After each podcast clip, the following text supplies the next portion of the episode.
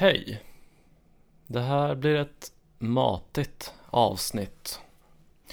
Jag får nästan ta ett blad från radarparets bok och säga Om ni lyssnar och gillar den här podden, tipsa en kompis eller dela den på sociala medier. Annars, lyssna inte. Och kommentera, skriv till mig, interagera på något sätt. Jag brukar ha mellan 150 och 200 lyssningar per avsnitt. Jag vill veta vilka ni är. Ja, det blev lite aggressivt, taggarna utåt. Ja, ja. Eh, jag börjar. Hon står och lindar in sitt leende och alla utanför tror att hon fryser för hon gör sådär som alla andra gör när det är kallt och det är kallt men inte för Jag sitter ensam och har ganska svårt att tänka klart idag för jag har nio liv, jag har nio frispel kvar att leva. Jag kan göra allt som jag ska göra någon annan dag. Och jag sitter så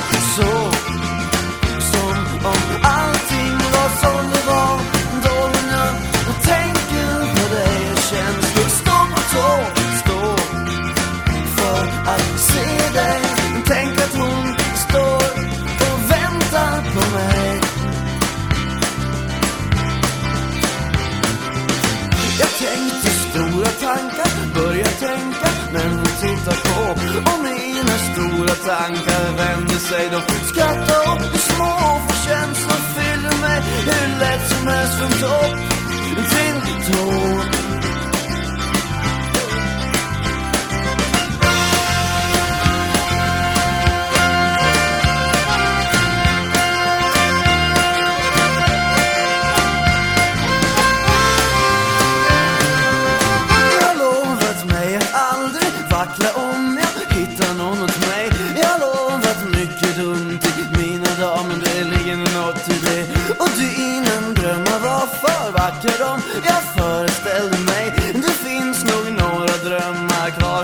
som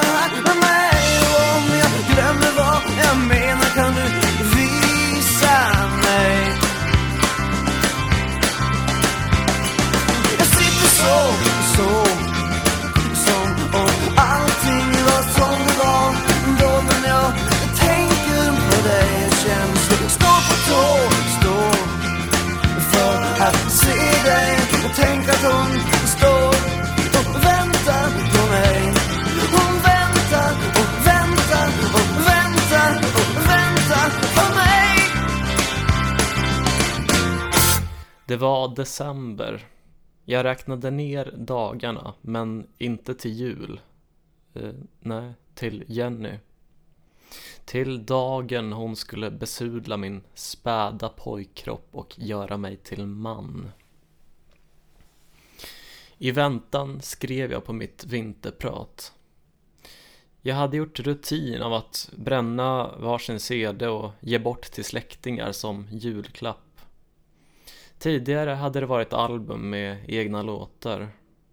Nu blev det istället det mer direkt berättande formatet. Fast med inspräckta låtar så att jag fick utlopp för den narcissistiska driften också. Deadlinen gjorde mig gott. Inte bara var det en yttre press som tvingade mig att bli produktiv utan också en distraktion från otåligheten över det stundande kärleksmötet. I vanlig ordning sköt jag upp det så långt som möjligt. Jag grät inte på Samuels begravning. Det var många andra som gjorde det. Till exempel Erika som vi hade haft som SO-lärare och mentor på högstadiet. Sorgligt i allmänhet när en före detta elev har dött, men hon tyckte speciellt mycket om oss tre. Järngänget av mig, Samuel och Elias. Jag såg henne innan begravningen började. På en blomsteraffär där jag skulle köpa en ros. Jag vet inte varför jag inte hälsade på henne. Jag kände igen henne men hon såg nog inte mig. Bänkarna i Sankta Ragnhilds kyrka var obekväma. Jag led mig genom ceremonin. Och på vägen upp till kistan för att lämna min ros såg jag Erikas söndergråtna ansikte. Hade jag haft egna tårar hade jag torkat dem. Vakan var trevlig. Träffade gamla klasskamrater, blev bjuden på snus. När jag hade sagt igen att, att jag provade snus på novemberfesten blev hon inte imponerad. Hon tyckte snus var rätt äckligt. Så den infon undanhöll jag när jag berättade om kvällen. Samuels pappa var inte där, bara mamman. Jag hade inte sett honom på begravningen men han måste ha varit där i alla fall. Jag drog slutsatsen att deras skilsmässa inte hade varit särskilt angenäm och att det kanske fortfarande var infekterat. Mina tårar kom tillbaka strax därpå när jag började trappa ner mina antidepressiva. Jag grät när jag hörde Dias Almas låt Höstmåne som handlar om ett ofrivilligt barnlöst par där mannen till slut dränker sig. Men ett brev var allt hon såg Från han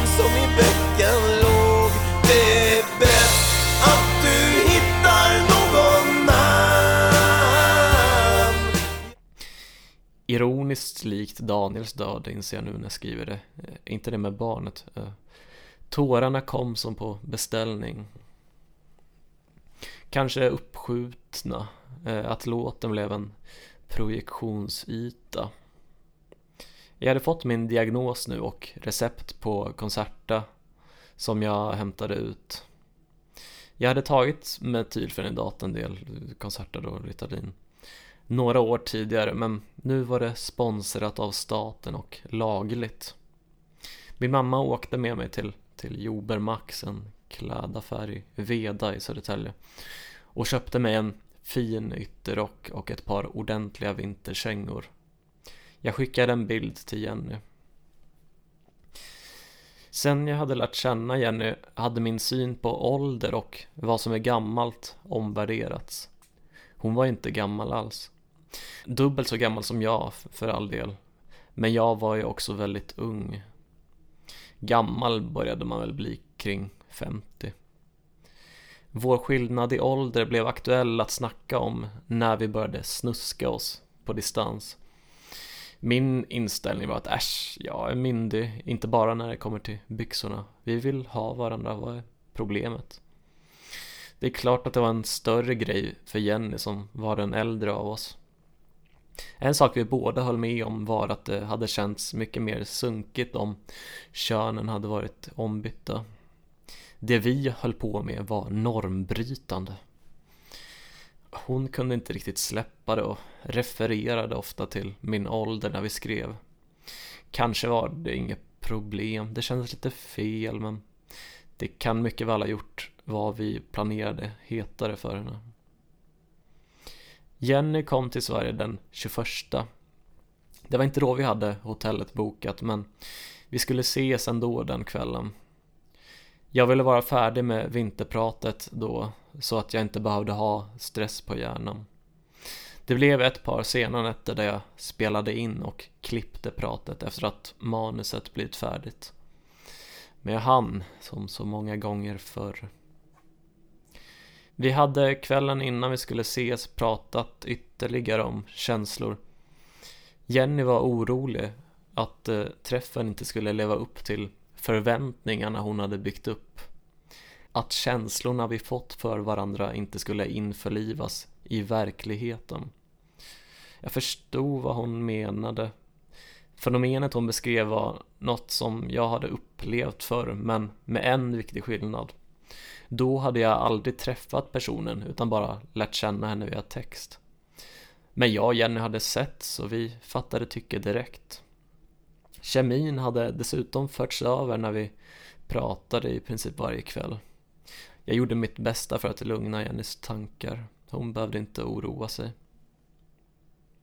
21 december, dagen före dopparedagen. Inte julafton utan min dopparedag. Jenny satt återigen och väntade på mig på glada stinsen. Nu var det inte kvällstid utan mitt på dagen när jag gick upp för rätt uppgång av Södra station. Mina knän skakade och min käke var stel. Jag mådde förvånansvärt dåligt för att vara nästintill euforisk. Men jag var inte fumlig när jag gick in på krogen. Nu visste jag vad jag skulle kolla. Där satt hon på samma ställe som förra gången. Att stället bara var halvfullt, mest lunchkunder, märkte jag först när jag hade satt mig. Mitt fokus på vägen dit låg bara på mig och Jenny. Jag höll inte ögonkontakt, kollade inte mot henne hela vägen. Jag känner mig alltid självmedveten och generad om jag gör det. Vi omfamnades hårt och länge och unnade oss att se varandra i ögonen lite längre än i vad som i vanliga fall är propert. Hon var oerhört vacker på det fulsnygga viset bara hon kunde vara. En smak jag hade förvärvat och inte kunde vara utan. Jenny kom dit efter att ha gjort slutprov i, i sin komvuxkurs naturvetenskap. Hon hade länge haft som dröm att plugga till djurskötare. Hon hade ju till och med jobbat på en veterinärklinik i England, dock enbart som receptionista. Nu hade hon pluggat upp sina betyg för att söka till djurskötarprogrammet på SLU i Uppsala. Om hon kom in skulle hon flytta till Sverige. Fast hon visste inte ens om hon hade fått godkänt på kursen. Jag frågade hur hon kände att det hade gått. Hon var nöjd med sin prestation i alla fall. Jenny var av det ödmjuka slaget så jag kände mig säker på att hon hade klarat det fint. Efter två öl var kände vi oss manade att dra vidare till något annat ställe. Dagen var ung och Stockholm en stor stad. Vi höll oss i och för sig till Södermalm, men det är stort nog för en lantis som jag. Varenda kåk på Söder behöver ett stambyte. Jag behöver dig, så låt oss fly från Saturnus bergets svarta hål. Vi sätter oss på tåget österut. Neverland hette baren där, där jag och Robert hade druckit ett par dagar efter novemberfesten. Det var inget kanonhak, inte sunkigt på ett charmigt sätt utan bara rätt tråkigt. Trots det föreslog jag att vi skulle dit, kände inte till några andra ställen. De hade rätt sköna bås. Vi fortsatte prata och satt väldigt nära varandra, tog varandra på låren. Attraktionen var definitivt där, men få vallar hade brutits än. Vi hade funderat på att dra in på någon toalett, men det här var inte stället. Det kändes helt enkelt inte rätt. Och jag var inte erigerad. Jag försökte ta till tankens kraft, fantisera upp den, men det blev en distraktion från vårt sociala umgänge och funkade oavsett inte. Nästa ställe, tredje i ordningen, var Kvarnen efter Jennys rekommendation. Direkt när vi steg in kände jag att min plånbok sa ifrån. Men hon stod för notan. Jag blev bjuden på en IPA första gången jag drack av det. Jag hade fått för mig att India Pale Ale skulle vara bittert, men bäskan tog mindre uttryck än, än i en vanlig sketen lager. Istället kände jag toner av nektar, någon slags tropisk juice jag mindes från min barndom. Mycket angenämt. Det förhöjde den redan höga stämningen. Jag satt på ett flådigt ställe och drack god öl med personen jag tyckte mest om i hela världen. Nervositeten hade släppt och jag var bekväm och glad i Jennys sällskap. Helt plötsligt tog samtalet en paus när vi såg varandra i ögonen och jag inövat växlade med blicken mellan hennes ögon och mun. Fram och tillbaka. I unison närmade vi varandras ansikten och möttes i en kyss. Varken eh, innan eller efter har jag upplevt en berusning så stark. Alkohol cannabis, svamp, syra ni kan slänga er i väggen och långsamt förblöda. Detta kan möjligen förklaras av själva kärleksruset. En drift så stark att den sätter allt annat ur spel.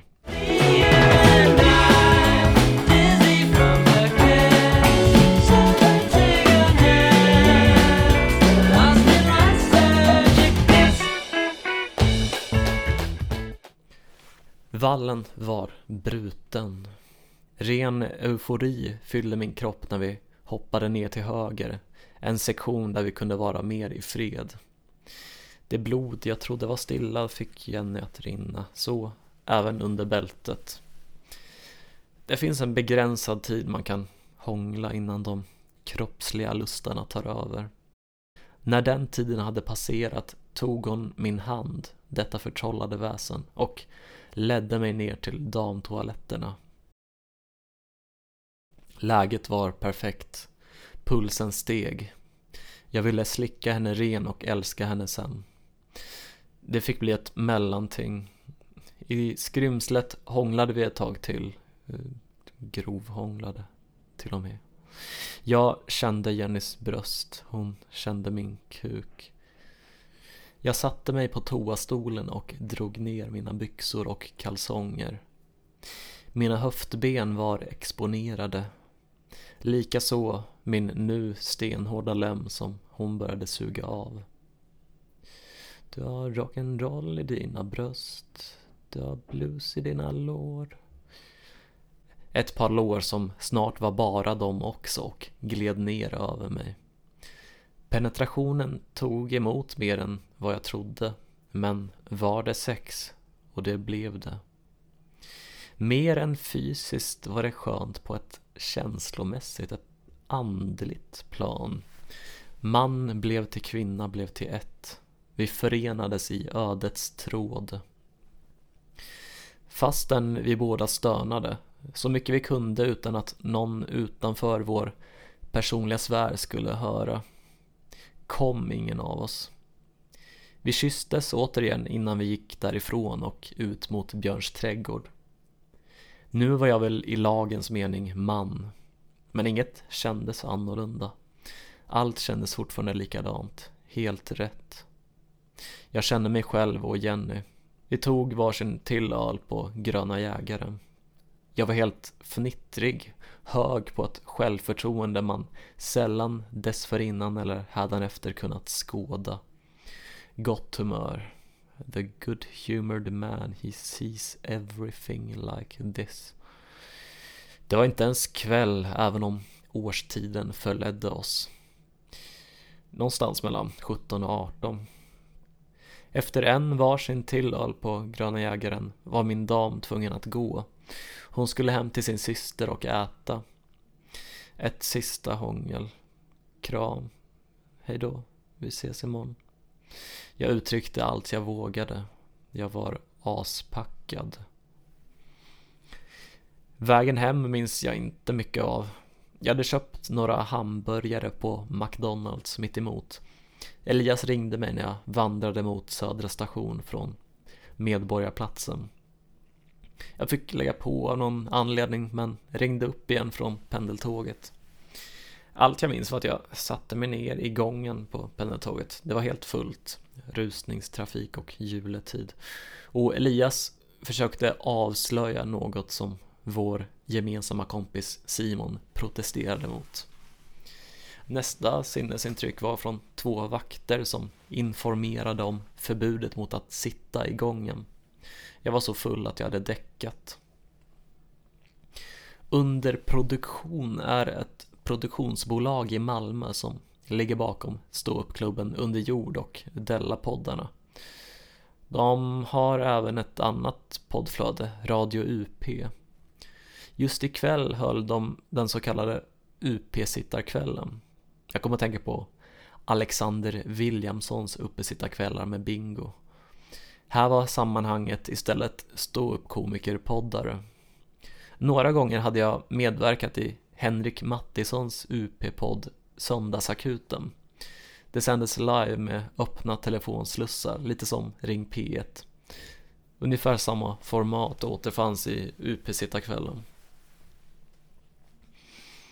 När jag kom hem till Enhörna hade sändningen pågått ungefär i en timma.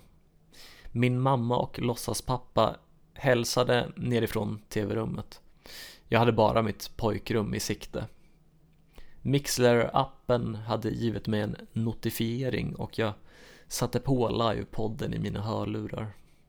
Den som vill kan söka upp UP-sittarkvällen från 2018 och höra vad jag, vad jag sa när jag hade tagit mod till mig och slagit numret och signalen. Anton, Mr Cool, Magnusson, Petrina Solange, Johannes Finnlaugsson och kanske någon till fick reagera på min historia om det crowdfundade hotellrummet. Min spektakulära berättelse smyckades ut med små detaljer om att Jenny bodde i Manchester och att hennes syster bodde i Årsta bland annat. Jag berättade även att jag blev avsugen på kvarnens damtoalett men lämnade ute detaljen om att full penetration skedde. Premissen var nämligen att jag ville be om råd inför morgondagens mandomsförlust. Självklart tyckte världen att detta var väldigt roligt, content av högsta klass. De kom med några skämtsamma råd innan vi la på. Sen däckade jag i min säng utan att passera gå, det vill säga borsta tänderna. Huvudvärken smög sig på morgonen därefter, men var inte lika farlig som jag hade förfarat. Vad som däremot inte smög sig på utan snarare högg mig i magen var en uppläxning från mor min. Hon hade hört allt vad jag hade sagt kvällen innan. Fan, jag hade supit bort min förmåga att reglera röstens volym. Hon var mestadels orolig såklart. Men hon hade snappat upp att jag gjorde något som kanske skulle bli offentligt. Hon avrådde mig starkt från att publicera det. Jag som inte hade någon kontroll över detta kunde inte säga annat än att det, det, det kommer såklart inte hända. Men fan, jag kände stor, stor skam. Bara grabbigheten var pinsam. Att skryta inför ett gäng om hur jag hade blivit avsugen på en toalett, usch och fy. Men också det faktum att jag lämnade ut så mycket personlig info. Så mycket samvete hade jag ändå att jag så fort jag förmådde mig berättade exakt vad som hade hänt för, för Jenny. Jag tror dock att jag förklädde det i ett klagomål om hur jobbig jag tyckte min mamma var. Men i ett historiskt ögonblick tog hon min mammas parti. Det blev att jag med svansen mellan benen fick be om ursäkt till modern. Jenny var lite irriterad över alla detaljer jag hade inkluderat men tyckte väl i övrigt att det mest var roligt. Så lite som den där ursäkten till min mamma krävde hon åtminstone av mig innan jag gick till bussen. Den här gången var jag inte lika nervös och vi möttes på pendeltåget när Jenny gick på från perrongen vid Årstaberg. Jag bad om ursäkt några extra gånger, hon nöjde sig med det. Vi satt mitt emot varandra på ett fyrasäte men växlade till att sitta bredvid. Det kändes bättre, vi var närmare varandra när Södra station flög förbi och den hyfsat nya stationen Stockholm city närmade sig. Jenny och jag gick upp till cityterminalen och därifrån mot Kungsbron. LO-borgen skymtade en bit bort. Jag tog upp att jag och Samuel en gång hade sett Vasas flora och fauna på Fasching när vi passerade jazzklubben. Du söker efter någon att älska.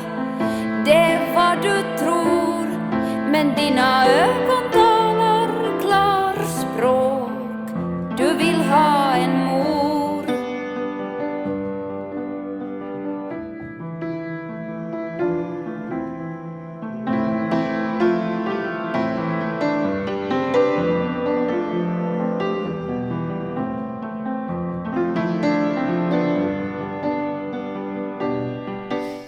En jävla dålig lokal för konserter, avlång på helt fel sätt.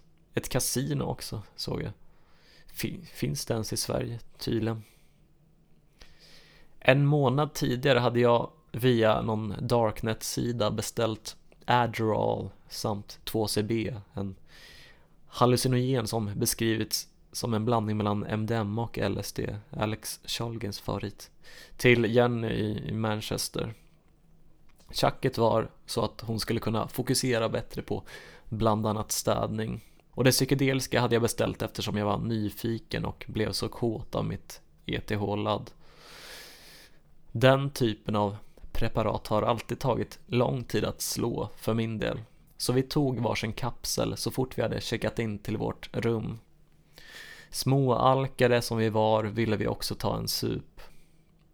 Det låg ett ställe i närheten som hette Bar City Central.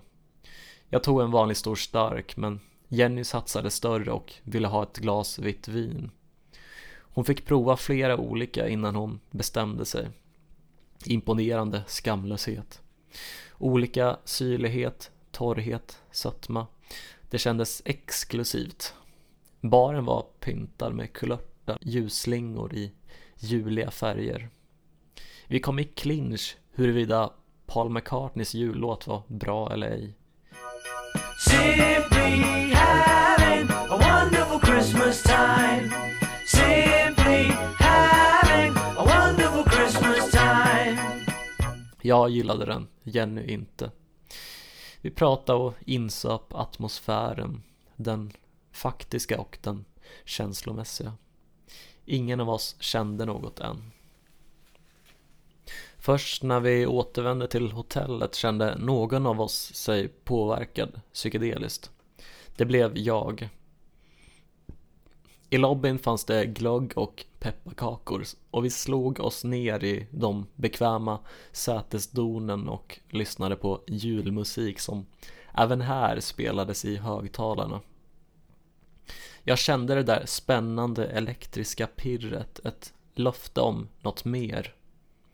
Dock fick jag lite mer än jag förhandlat om. Ett kraftigt illamående briserade och jag ursäktade mig till toaletten. Det tog en stund innan jag fann de lobbyn tillhörande faciliteterna. Jag tog min tid, ville inte bete mig misstänkt. Det blev inte bättre där. Jag var inlåst i ett klaustrofobiskt litet skrymsle, ville kräkas men kunde inte och började höra de alltför välbekanta rösterna. Min interna monolog kapades av den skrattande franska baguettebagaren. Han, det var en sån här riktig parodi på Ho ho, oui oui oui baguette. Och eh, av mamman som sa till sina två ungar att sluta bråka. Jag hörde också det här. Det blir inte dumt alls då. Blir inte dumt. Några slags arketypa karaktärer som alltid ger sig till känna för mig i det sinnestillståndet. Är jag schizofren? Kanske. Spyan kom inte. Jag mådde fortfarande illa men ångesten växte så stor att jag efter att ha skrivit till Jenny följde henne genom de skräckfilmsartade korridorerna till vårt anonyma rum med fönster utan att ha tömt mig på det onda. Hon kände fortfarande inget. Stämningen var allt annat än romantisk och sexuell. Jag mådde illa och kände ångest. Jenny mådde sådär och kände sig mest otålig. Vi la oss ändå i sängen. Jenny tog min hand och försökte lugna mig. Det uppskattade jag inte. Fysisk närhet i kombo med illamående har aldrig funkat för mig. Istället för att snäsa åt henne som jag kanske i stunden kände för men som hade varit otroligt ohövligt. Glöm inte, jag är en väluppfostrad pojke med äpple till fröken och mössan i handen. Istället föreslog jag att hon skulle sätta på TVn. Distraktion var vad jag behövde där och då. Något att fastna i som förde mig bort från situationen mitt dåliga omdöme hade placerat mig i. Marty McFlys pappa var i videolänk till hans chef. Var det Biff?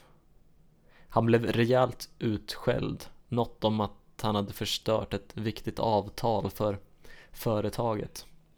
När han fick sparken skrek han ut i förtvivlan och desperation och rev bort sitt hår så att han blev skallig på gässan. Det var så överdrivet att det blev komiskt. Jag kunde inte hålla mig från att skratta i säkert en minut. Stämningen blev omedelbart lättare. Jag mådde bättre och det gjorde även Jenny.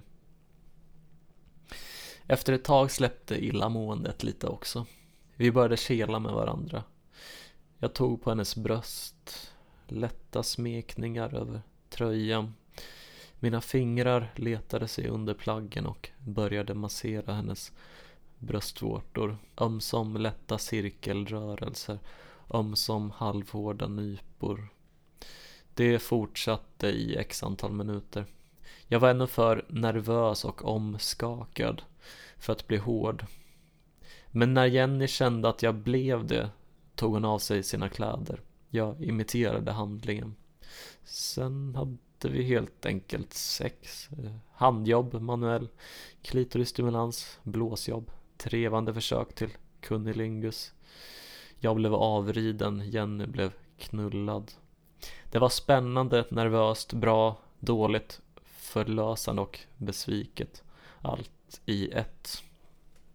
Trots bristen på kondom var jag aldrig i närheten av att komma. Jenny kom ett par gånger. Men så hade hon ju inte haft orgasm eh, sedan det tog slut mellan henne och sin kille. Snacka om uppbyggnad. Så här i efterhand är jag glad att det var Jenny som blev min första allt. Första samlaget, första kyssen, alla jävla baseball-liknelser som används i high school-komedier. Min första besvarade attraktion över överhuvudtaget. Vi tyckte om varandra. Hon var erfaren och visste hur det gick till. En själslig och kroppslig ledsagare, en elva som stod och dansade i det dimbeklädda åkerlandskapet och ville ta mig med. Så glad jag blev. Och det var skönt, det, det måste jag säga. Fast inte i närheten av lika skönt kroppsligt som det var känslomässigt. Sist men inte minst var det en bra story. Det är inte varje dag någon har ordentligt sex för första gången på ett crowdfundat hotellrum med en dubbelt så gammal partner.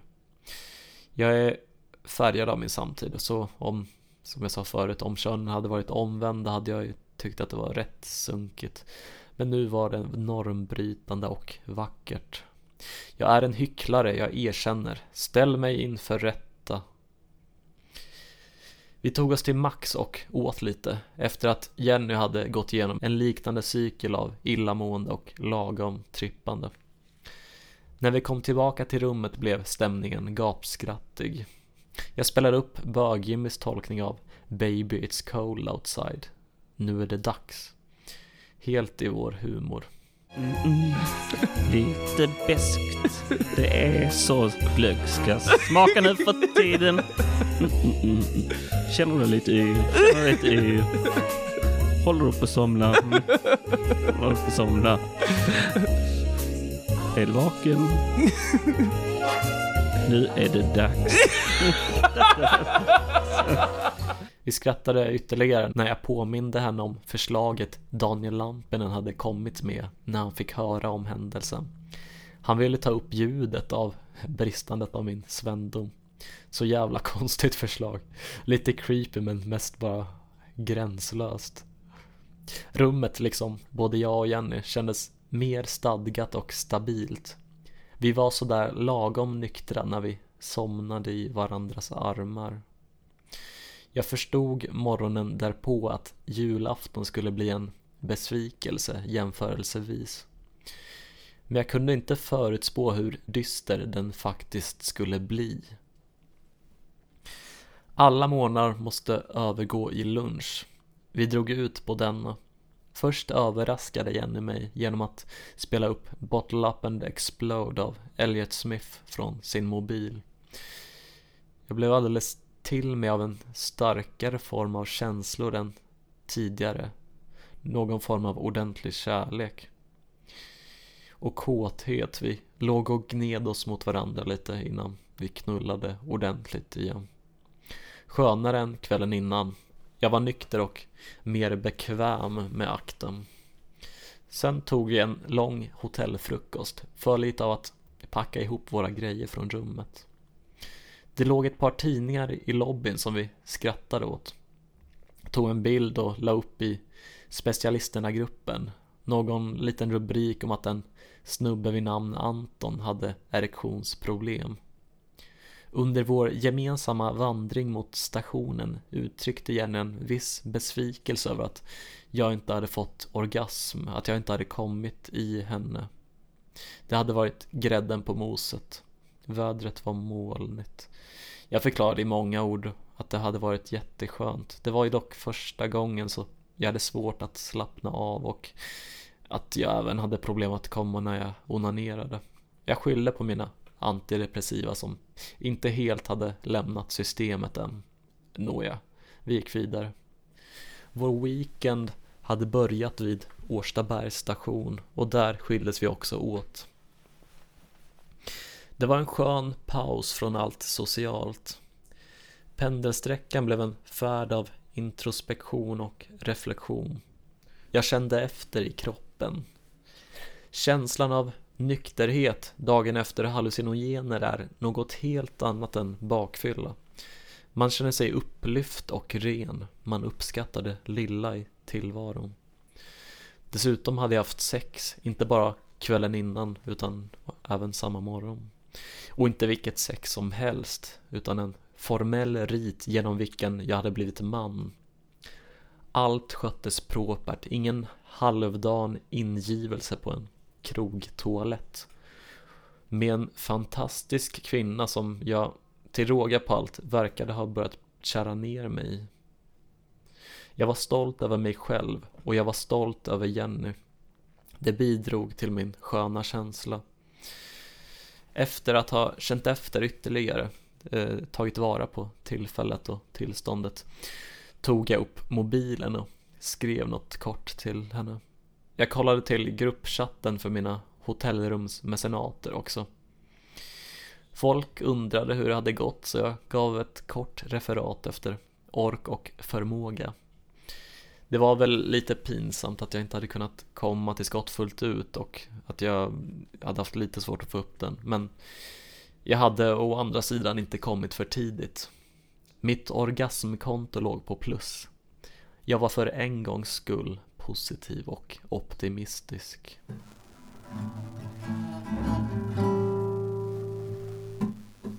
I am high on the drugs they call your company.